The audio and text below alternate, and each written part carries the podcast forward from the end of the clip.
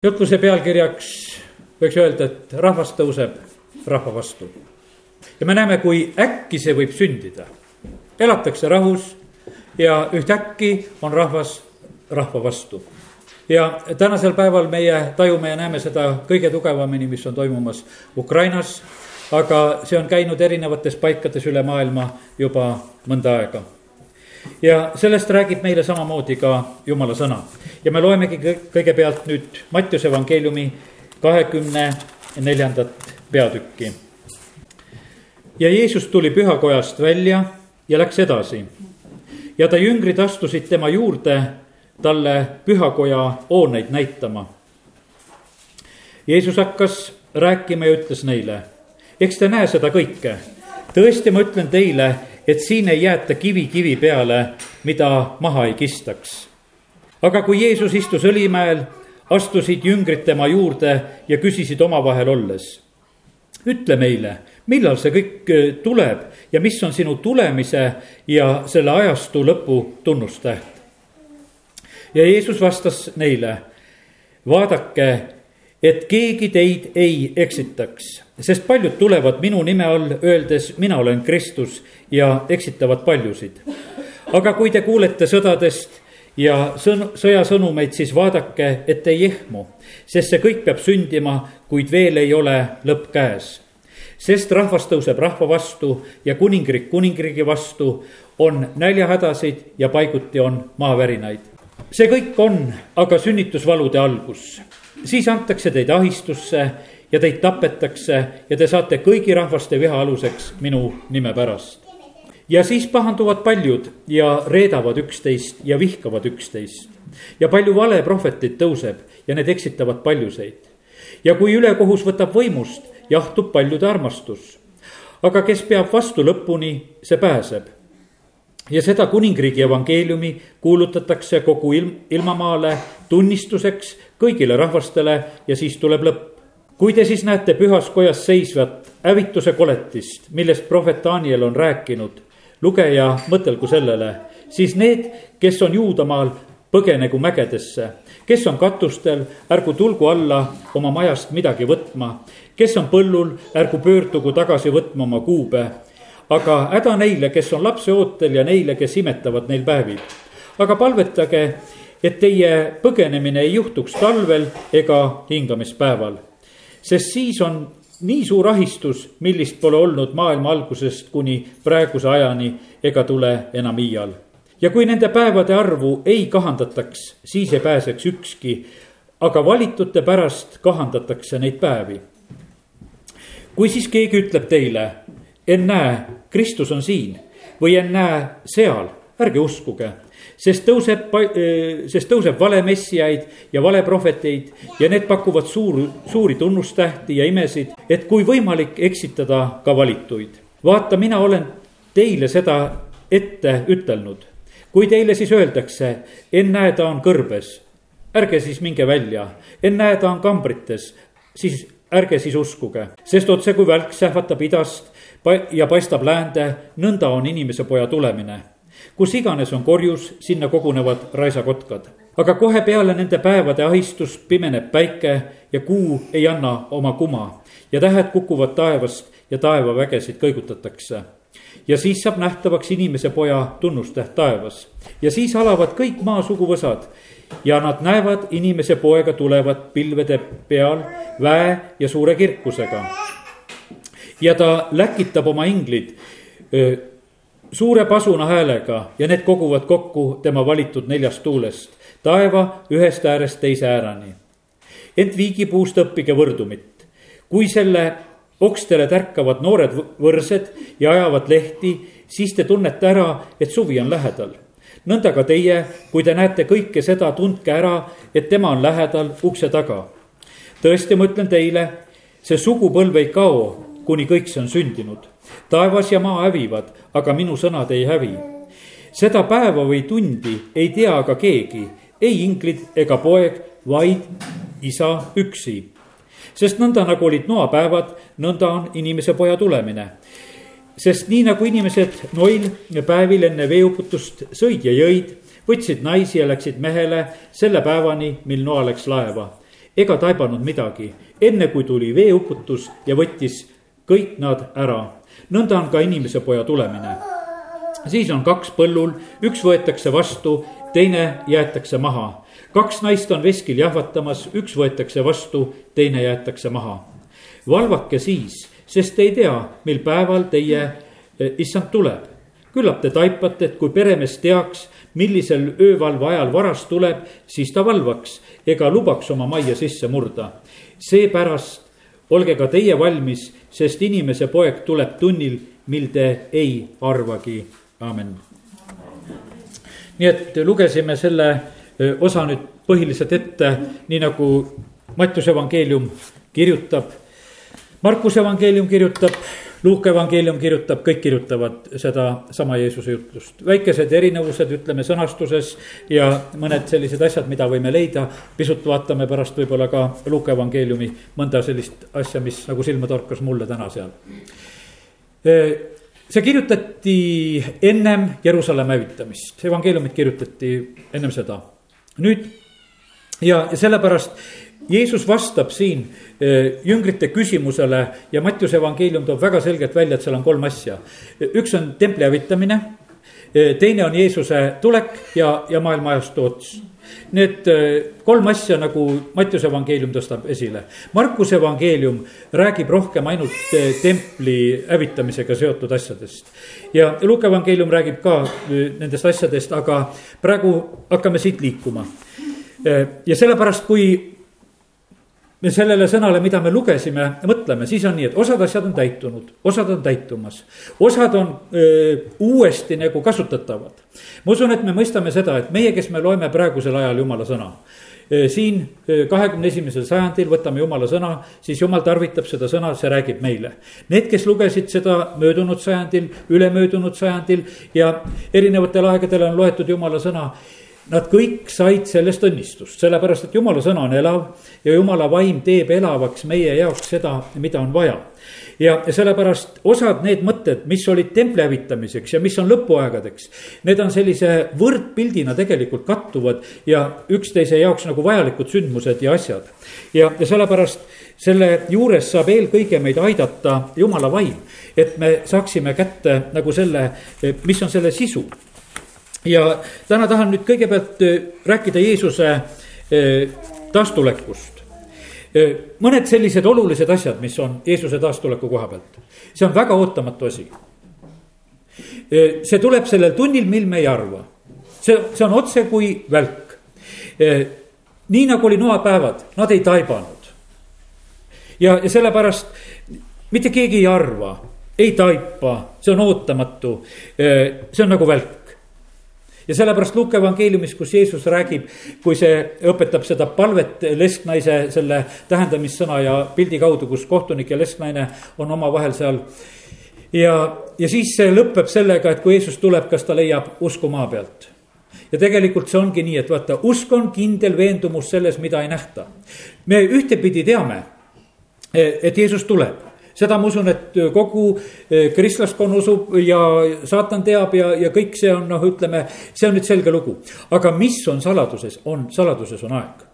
Ja, ja sellepärast meie ei saa mitte keegi seda teada, jumala sõna ütleb väga selgesti, et, et see on meie eest varjatud me võime mõista, et äh, ajad lähenevad sellele, me võime mõista teatud asju, aga täpselt seda, millal see sünnib, me keegi seda ütelda ei saa. ja sellepärast alati on eksinud need, kes räägivad ja kuulutavad Jeesuse tulekut, sest seda ei ole võimalik ette kuulutada seda ei ole võimalik ette kuulutada, jumala sõna räägib sellest väga selgelt, sellepärast et, et äh, see on varjatud ja seda meie ei tea.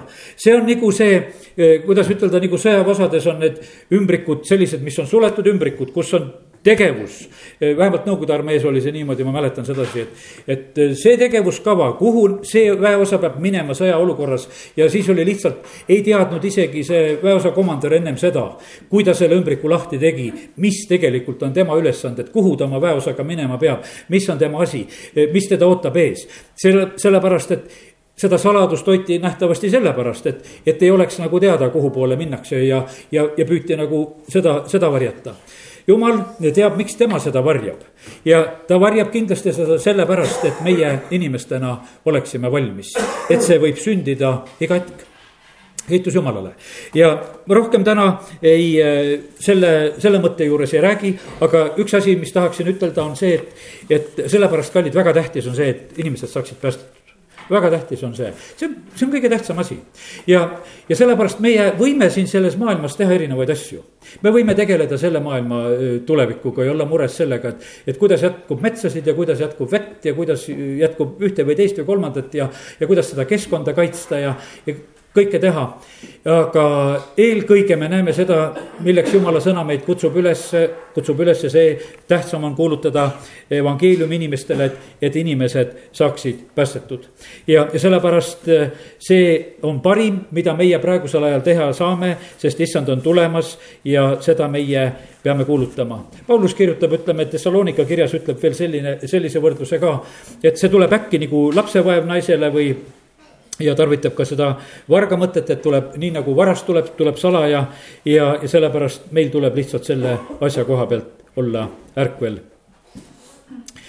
E, aga nüüd tulen veel e, nende teiste mõtete juurde. E, siin oli juttu ka Jeruusalemma templi hävitamisest. Jeruusalemma templi hävitamisega, kui sa tähele panid, seal oli isegi öeldud, et te võite paluda, et see põgenemine ei tuleks talvel ega ei tuleks hingamispäeval jumal kuuleb me palveid. vaata, jumal on jumal, tema meelevallas on kõik need asjad. Ja sellepärast, kallid, meie palved on nii olulise tähtsusega. Need on nii olulise tähtsusega, jumal arvestab sellega ja sellepärast Jeesus, kui ta räägib ka Jeruusalemma templi hävitamisest, siis ta ütleb seda, et, et siis on see nii.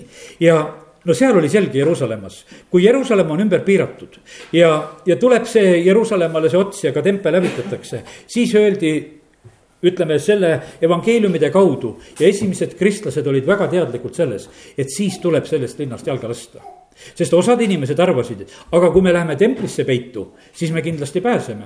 oli siin teise maailmasõja ajal, oli samamoodi, et inimesed seal näiteks, olen ikka kuulnud seda lugu, kui seal Narva pool oli see, kus oli Remmelite kodu ja, ja kuidas inimesed tulid siis, kui oli pommitamine, tulid uskliku mehe majja ja selle ümber ja kes sisse ei mahtunud ja, ja, ja tulid ja lihtsalt, et arvasid, et noh, jumal kindlasti hoiab ja hoiab ka, eks. aga Jeruusalemma templiga oli teine lugu sest issand on ütelnud, et siin ei jää kivi kivi peale jah, te vaatate, see on võimas ilus ehitus, see on väga tore ja, aga siin see ei jää nii. ja, ja sellepärast eh, jüngrid ja esimesed kristlased, kes olid eh, Jeesuse jutust teadlikud, need ei pugenud sinna templisse peitu, ei ole ju mõtet sinna minna, mis püsima ei jää.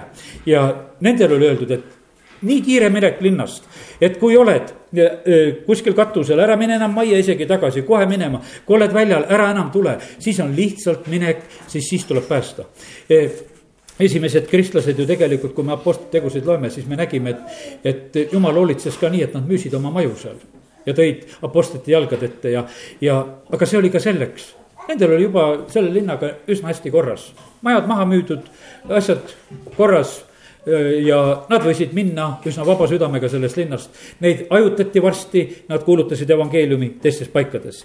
ja, ja sellepärast Jumal valmistab tegelikult ette oma rahvast ja ta räägib meile.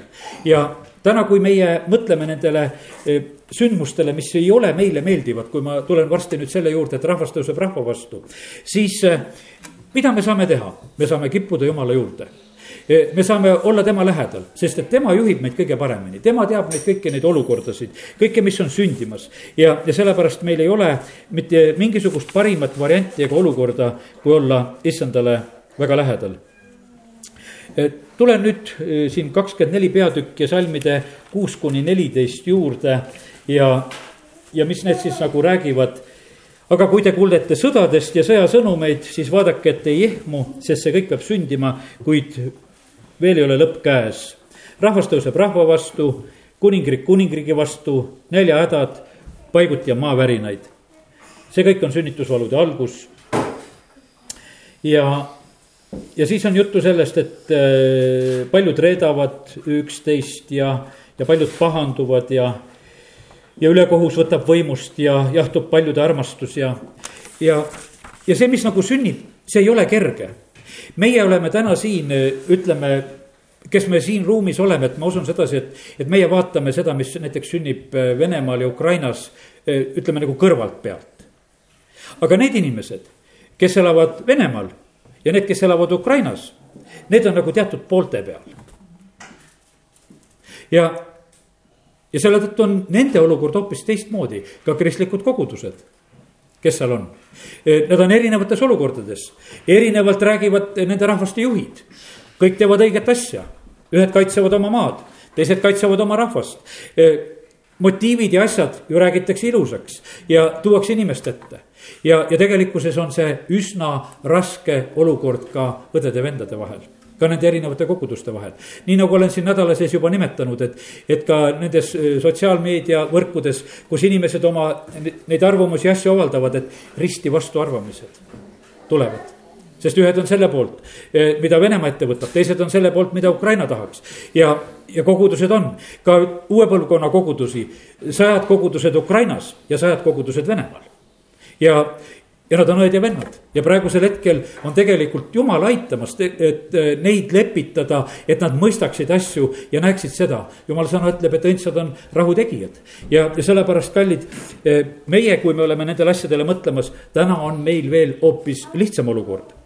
Aga olukorrad on keerulised ja ma usun, et me Eesti rahvana mõistame seda ka, et, et kui on olnud segased ajad siis on eestlased olnud Saksa poole peal, siis on eestlased olnud Vene poole peal ja, ja nad on kõik sõjas.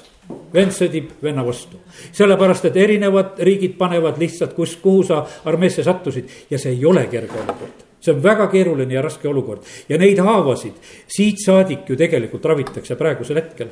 Need, kes on küüditatud, need, kes on kuhu sattunud, need erinevad olukorrad on lõiganud väga valusaid haavasid inimeste südametesse. ja siis on öeldud ja siis pahanduvad paljud ja reedavad üksteist ja, ja vihkavad üksteist. noh, tuleb pahandumine, aga see tuleb kuidagi väga konkreetselt kätte. Ja, ja sellepärast kallid, Jeesus hoiatab ja räägib sellest. Ja ja siis on asjad väga ülekohtused ülekohus võtab võimust, sellistel perioodidel me näeme sedasi, et kuidas käib eh, varanduste äraminemine, võetakse kõik käest ära, küüditatakse, see on väga ülekohus.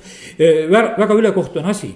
Ja vaata, kui on ülekohut tehtud, siis eh, see jätab tohutu haava inimeste südametesse need, kes me oleme pääsenud sellest, meie varandust ei ole ära võetud, meie esivanemat, et eh, ei ole küüditatud, ei ole tehtud. meil on natukese teistmoodi eh, see lugu, nendel, kellel võeti kõik, on ühtemoodi. Nendel, kel võeti võib-olla ainult loomad ja läksid kolhoosi või mis on nagu sündinud, et see on väga-väga erinev. ja, ja sellepärast, kallid, täna, kui me oleme siin, mida jumal ootab seda, et meie kõikide südametes oleks selline andeks andmine kuulasin siin hiljuti ühte sellist jutlust, jutlust, mis oli finantsteemadel ja, ja see vend õpetas nii, ütles, et vaata, kui on inimestevahelised võlad. vahest on neid, üks võtab teise käest võlgu ja ära ei maksa ka. ja, ja siis teine ütleb, ah tühja, ma annan sulle andeks ja tead, et ma ei nõua seda su käest tagasi. aga see vend õpetas, ütles, et seda tuleb kontrollida. et kas ta ikka andis andeks. sa pead talle ikkagi veel pakkuma seda, et ma paksan, maksan sulle ära, ma teen selle. pärast seda ka, kui ta on ütelnud isegi seda sest et see võib olla ainult suuga öeldud sõnad, südames ei ole andeks antud. ja, ja kui sa näed, et ta ikkagi su käest võtab, siis see tähendab ei olnud, see ei ole sul õnnistuseks, sest et siis ta oma südames ikkagi vaikselt kogu aeg on sellel, ütleme, suuga ütles ühte, aga oma südamega räägib kogu aeg teist ja see ei ole sulle õnnistuseks. ja sellepärast jumal tahab, et, et need pinged ja asjad oleksid ikkagi päriselt maandatud et need ei oleks kuidagi vait surutud, need ei oleks nagu, nagu suukorvidega koeral kinni pandud, et, et ta päris ammuta, hammustada ei saa ja, ja meil on sellepärast julgem, et, et, et see on nõnda. jumal ootab, ta tahab teha eh, rahu ja vaadake, need õnnistussõnad ma mõtlesin tänasel hommikul selle peale, mis me koguduses tihti välja räägime. Jeesus ütleb oma jüngritele, mina annan teile oma rahu. ma jätan teile oma rahu, ma ei anna teile nagu maailm annab. jumal võib rahu ära võtta ka ja kui jumal võtab rahu ära, siis on tohutu rahutus. Ja see ongi niimoodi, et ilmutuse raamatust loeme seda, et kui see äh, ingel avab neid pitsereid seal, siis tegelikult rahvastele tuleb rahutus ühtäkki, vaatame pärast seda kohta ka. ja, ja sellepärast see on niivõrd jumala käes ja sellepärast ära võta tühiselt neid õnnistussõnu. issand, õnnistagu ja hoidku, lasku pale sulle paista. issand, andku sulle oma rahu. sellepärast, et kui jumal selle meile annab, siis meil on rahu. me näeme neid vanu Iisraeli kuningaid, kes tegid õigeid asju jumala silma ees, siis anti rahvale rahu kui tegid valesid asju, rahu võeti ära, siis oli sõda. ja, ja, ja sellepärast täna meie kui me mõtleme nendele olukordadele, milles me elame, siis me vajame seda tarkust, mis tuleb jumala sõnast ja, ja see aitab meid eh, tugevasti. näljahädad, eh, maavärinad, eh, kõike seda me kogeme, näeme. võib-olla viimasel ajal ma mõtlen seda, et, et me oleme näinud kasvõi selle Jaapani kaudu, kui see tsunami seal tuleb ja lükkab. noh, nii et linn läheb nagu noh, nagu mänguasi eest ära, autod pahupidi, kõik suured laevad, värgid, noh, ühtäkki on sündinud. Luuke evangeeliumis on seal, kus räägitakse nendest veekohinatest ja asjadest, rahvad on rammetud tegelikult äh, oodates ja vaadates neid asju. ja, ja sellepärast, kallid jumal räägib nendest asjadest ette ja näitab meile oma sõna kaudu ja meie praegusel ajal võime lihtsalt kõike seda kogeda ja näha. aga kiitus Jumalale jumala rahuvarud ei ole lõppenud. ja sellepärast ka väga kriitilistes olukordades, keset torme, kõige tähtsam asi on säilita rahu. kiitus Jumalale, tuleb rahuriik veel, Jeesus valitseb tuhat aastat, ta on rahuvürst. Ja sellepärast on väga tähtis on säilitada rahu, säilita rahu, kui sa oled haige, säilita rahu kui sa oled hädas, kui sul on kõik ära võetud, kui sa oled ära põlenud, kui sul on varastatud, säilita rahu, see on kõige parem, mis üldse olla saab. igas olukorras säilitada rahu, sest jumal on andnud meile oma rahu. Ja kui sul on jumala käest rahu, siis ta saab sulle anda juhiseid, ta saab sulle rääkida ja sa saad ja pääsed välja ja nendest olukordadest.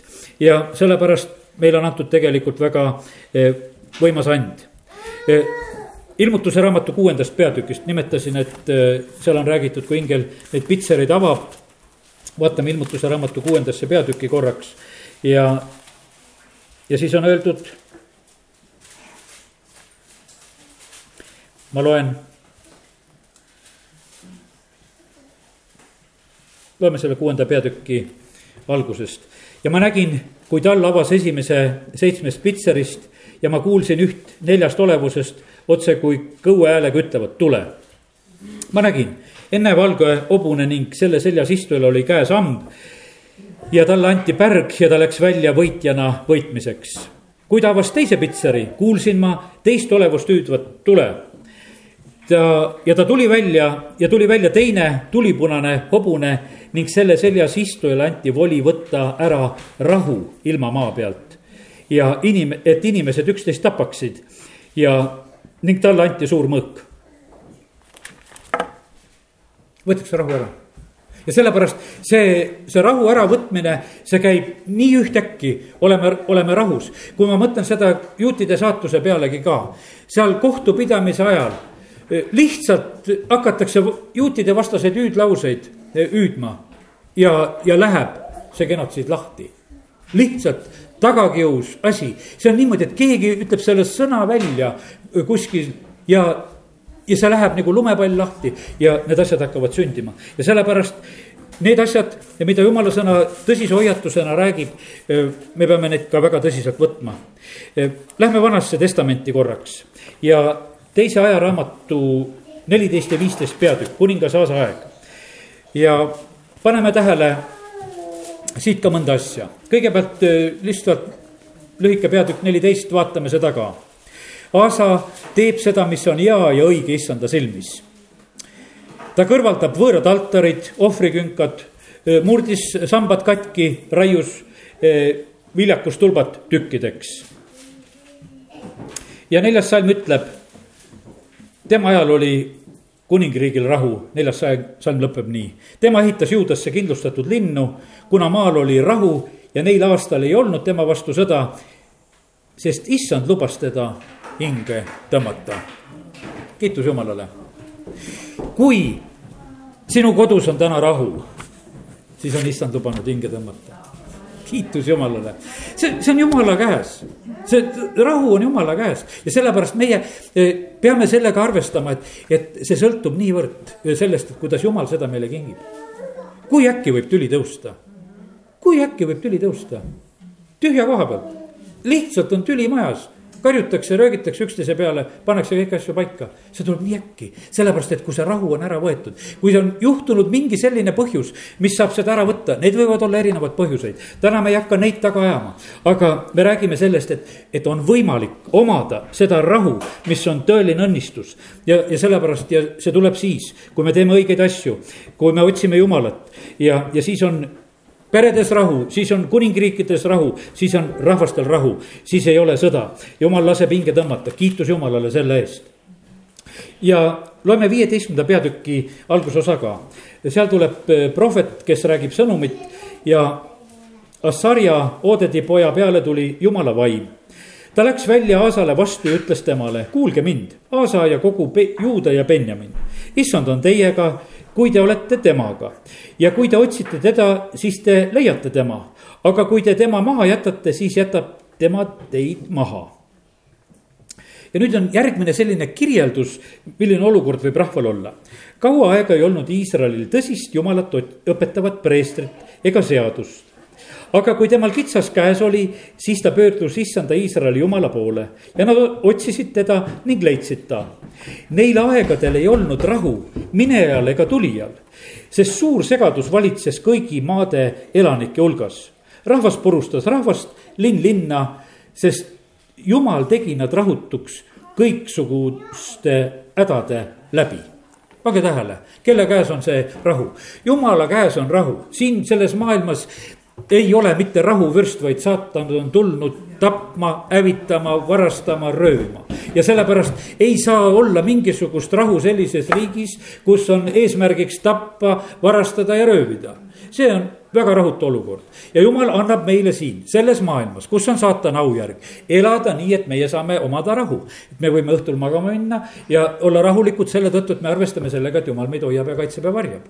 ja sellepärast, kallid, ole tänulik selle eest, et, et nii paljugi korda on siin maa peal, kui on praegusel hetkel. sellepärast, et kui jumal seda meile ei tagaks, siis oleks siin lihtsalt väga paha olla. ja, ja kiitus Jumalale, et, et Jumal seda teeb ja ja need pildid jumala sõnast nii vanast kui uuest testamendist, mis me oleme lugenud, ma usun, toovad väga selgelt meie silmad ette, kuivõrd on see asi jumala käes.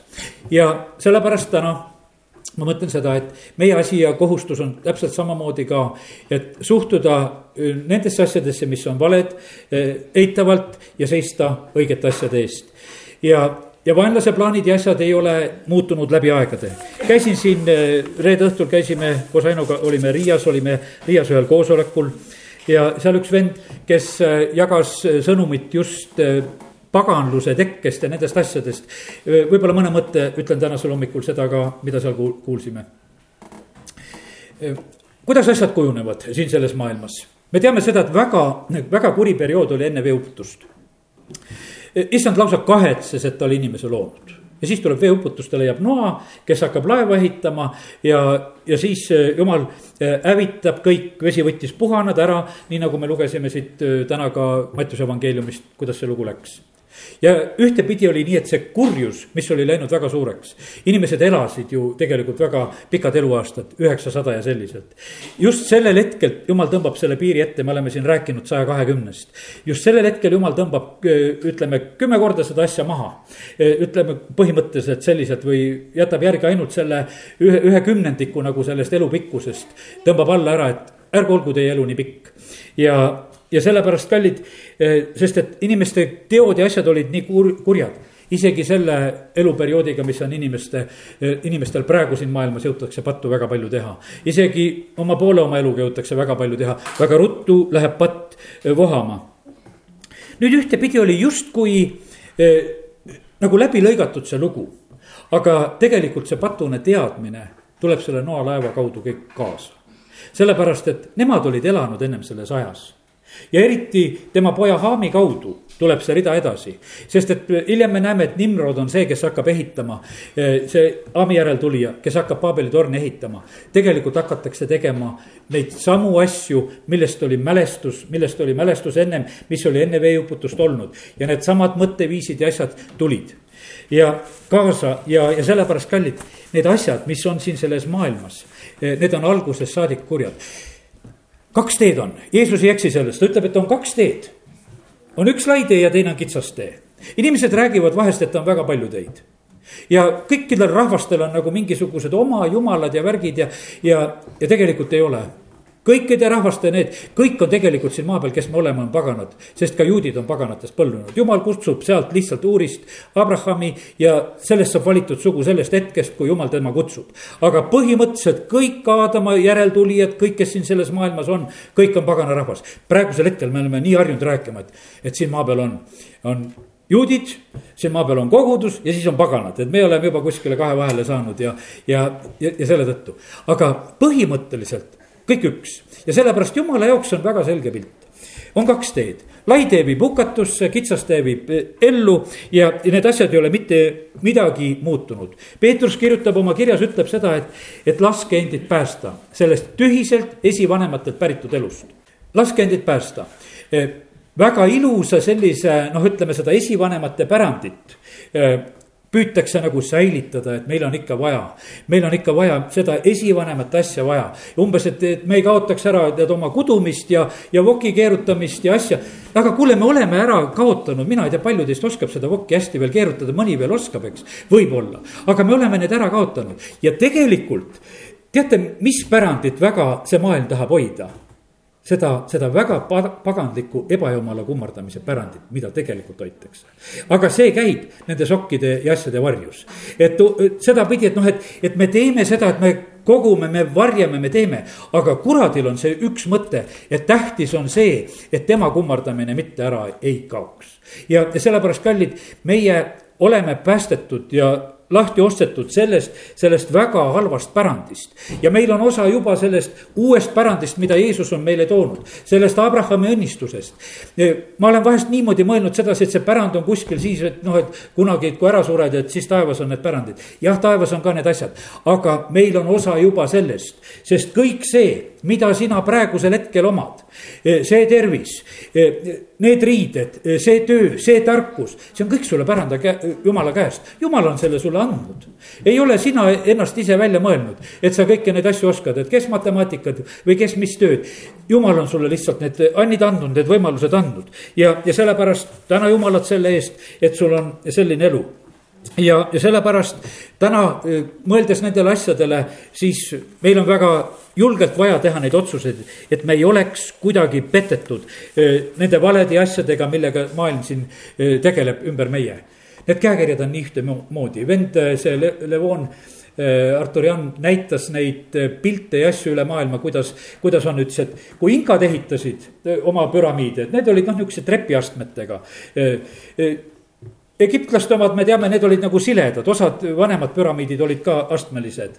Lenini mausoleum on täpselt samasugune astmeline tehtud, mitte mingisugust kommunismi selliseid, ütleme, tunnuseid ei ole selle mausoleumi enda juures. ehtne sihuke pagana jumala tempel, mis on üles ehitatud, kõik, kõik need asjad, seesama, mis on Roosi saare peale ehitatud, see või siia enne Roosi saart siiapoole, see e, elupung, see on samasugune, aed ümber, üks tee läheb juurde, kõikides asjades see suur Lätti ehitavad praegu seda ühte ümmargust, nagu tegelikult nad teevad poolkaare, eh, sellise ehtsa ebajumala teenimise eh, paiga ja koha eh, ehitavad. Amsterdam on just selliselt ringikujuliselt kõik, kõik need tänavad ehitatud, ehtne patupesa, mis siin sellel maa peal on. kõik käib sümbolite järgi, võta need hooneid ja asju järjest, et noh, et ei ole lõppu ja, ja mis sellel oli see, sellel on niimoodi, et, et kui me Saalomoni templi pilti, no lihtsalt me nägime pilte Ainoga, me silmade ees on need pildid, teil ei ole. Saalomoni templi pilt on selline kus ei ole ei torni, ei ole midagi,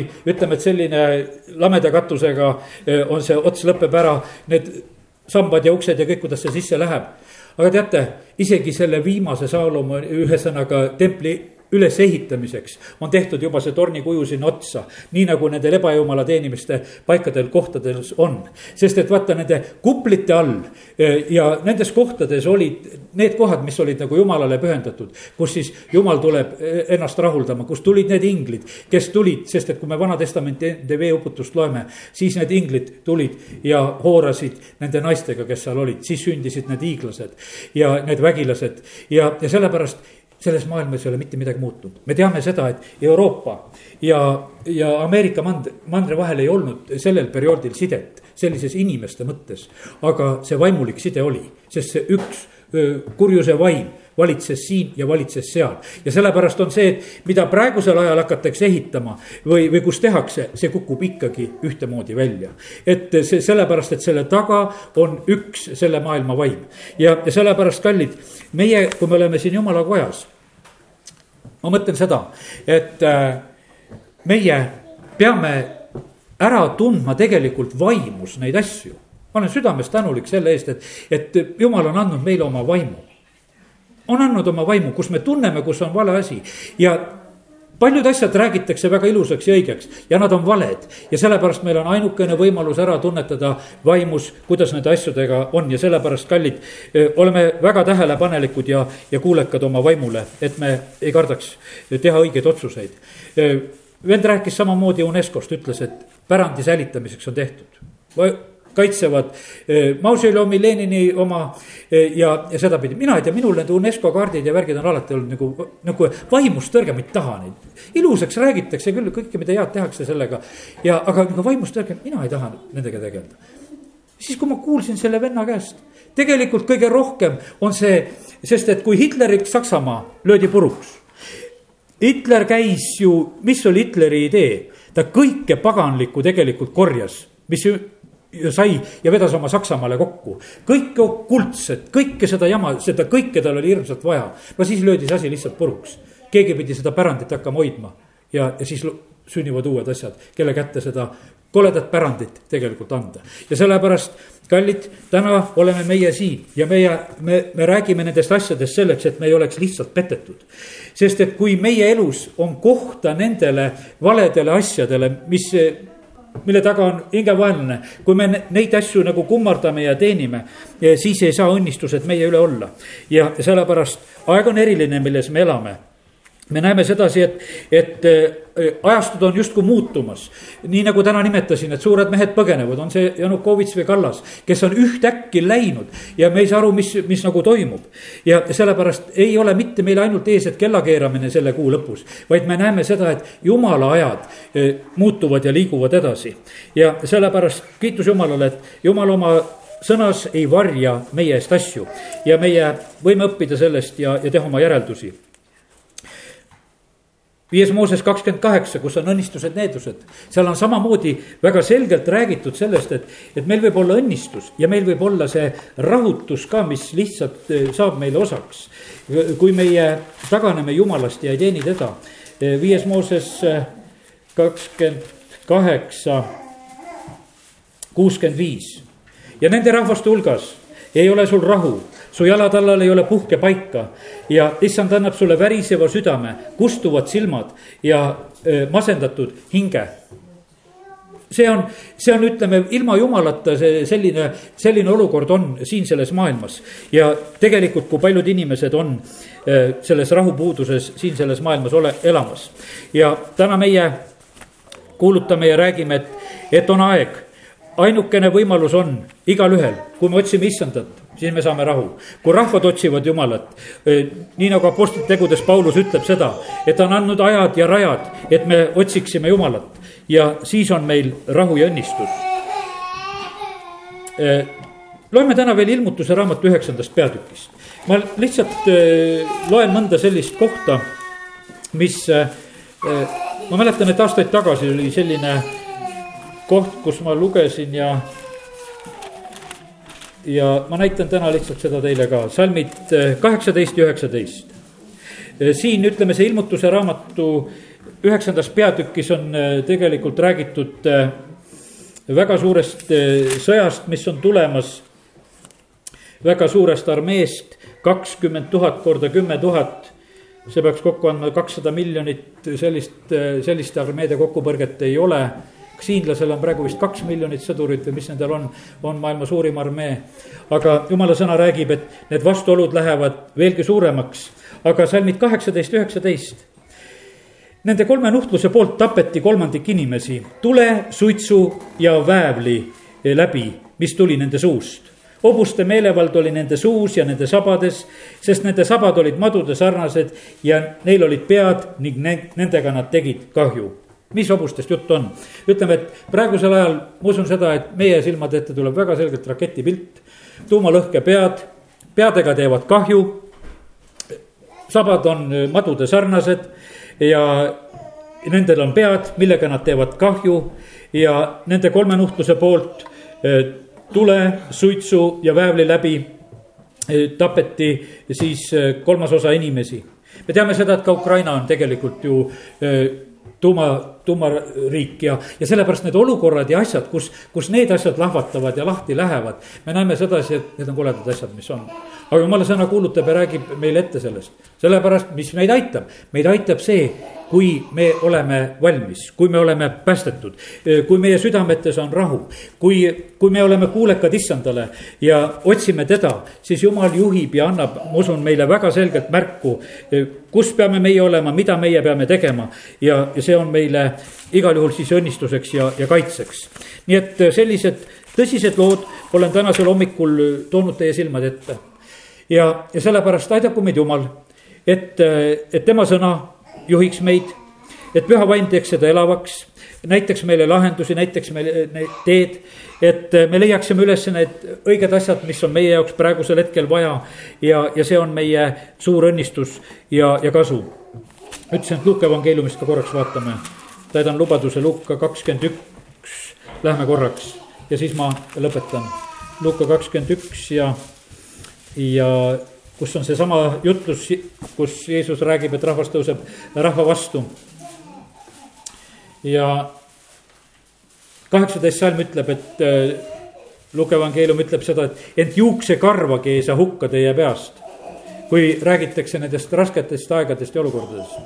see on lihtsalt meile julgustuseks, juuksekarvagi ei saa hukka meie peast siin räägitakse veel seda, et äh, kakskümmend neli salm räägib sellest, et, et Jeruusalemm jääb paganatele tallata, kuni paganate ajad saavad täis. tähendab, tuleb see aeg, kus ei ole paganate tallata, selle linna jagamine käib. Sakarja raamat ütleb, et kõik jagavad, rebestavad endid. pääsu sellest ei ole. ja mis on veel öeldud Luuka evangeeliumis?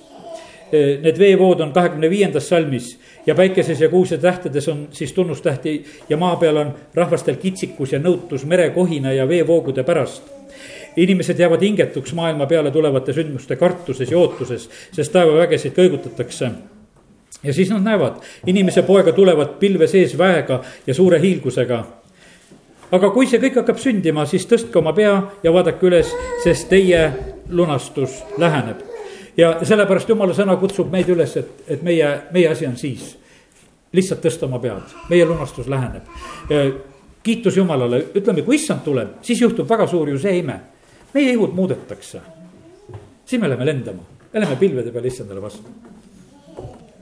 ja sellepärast see, see jumala sõna kuulutab ja räägib sellest väga julgelt ja kõik, kes on issandas surnud, need tõusevad esmalt ülesse nende, nende olukordade keskel tegelikult issand eh, sekkub väga võimsalt, kiitus Jumalale selle eest, et, et kõik on Jumala kontrolli all. ja sellepärast see, eh, ütleme, et on see põhiline asi, mis on meil vaja kuulutada ja rääkida, et inimesed saaksid päästetud. inimesed palju tegelevad eh, oma eluga, et ära elada siin see elu, mis on antud. no ütleme siis see kuni sada kakskümmend aastat. aga sõna ütleb selle kohta, et see on silmapiltne kerge viletsus mis võib saavutada määratu suure ja igavese au. ja sellepärast see, see, mida meie elame siin, see on nii lühike, nii kiiresti mööduv. ja sellepärast meie ei saa keskenduda sellele ja, ja kiitus Jumalale, et me saame tulla Jumala kotta, me saame rääkida ja mõelda nendest asjadest. ja olla valmis hoopis palju suuremate asjade jaoks, mida issand on tegemas. amin.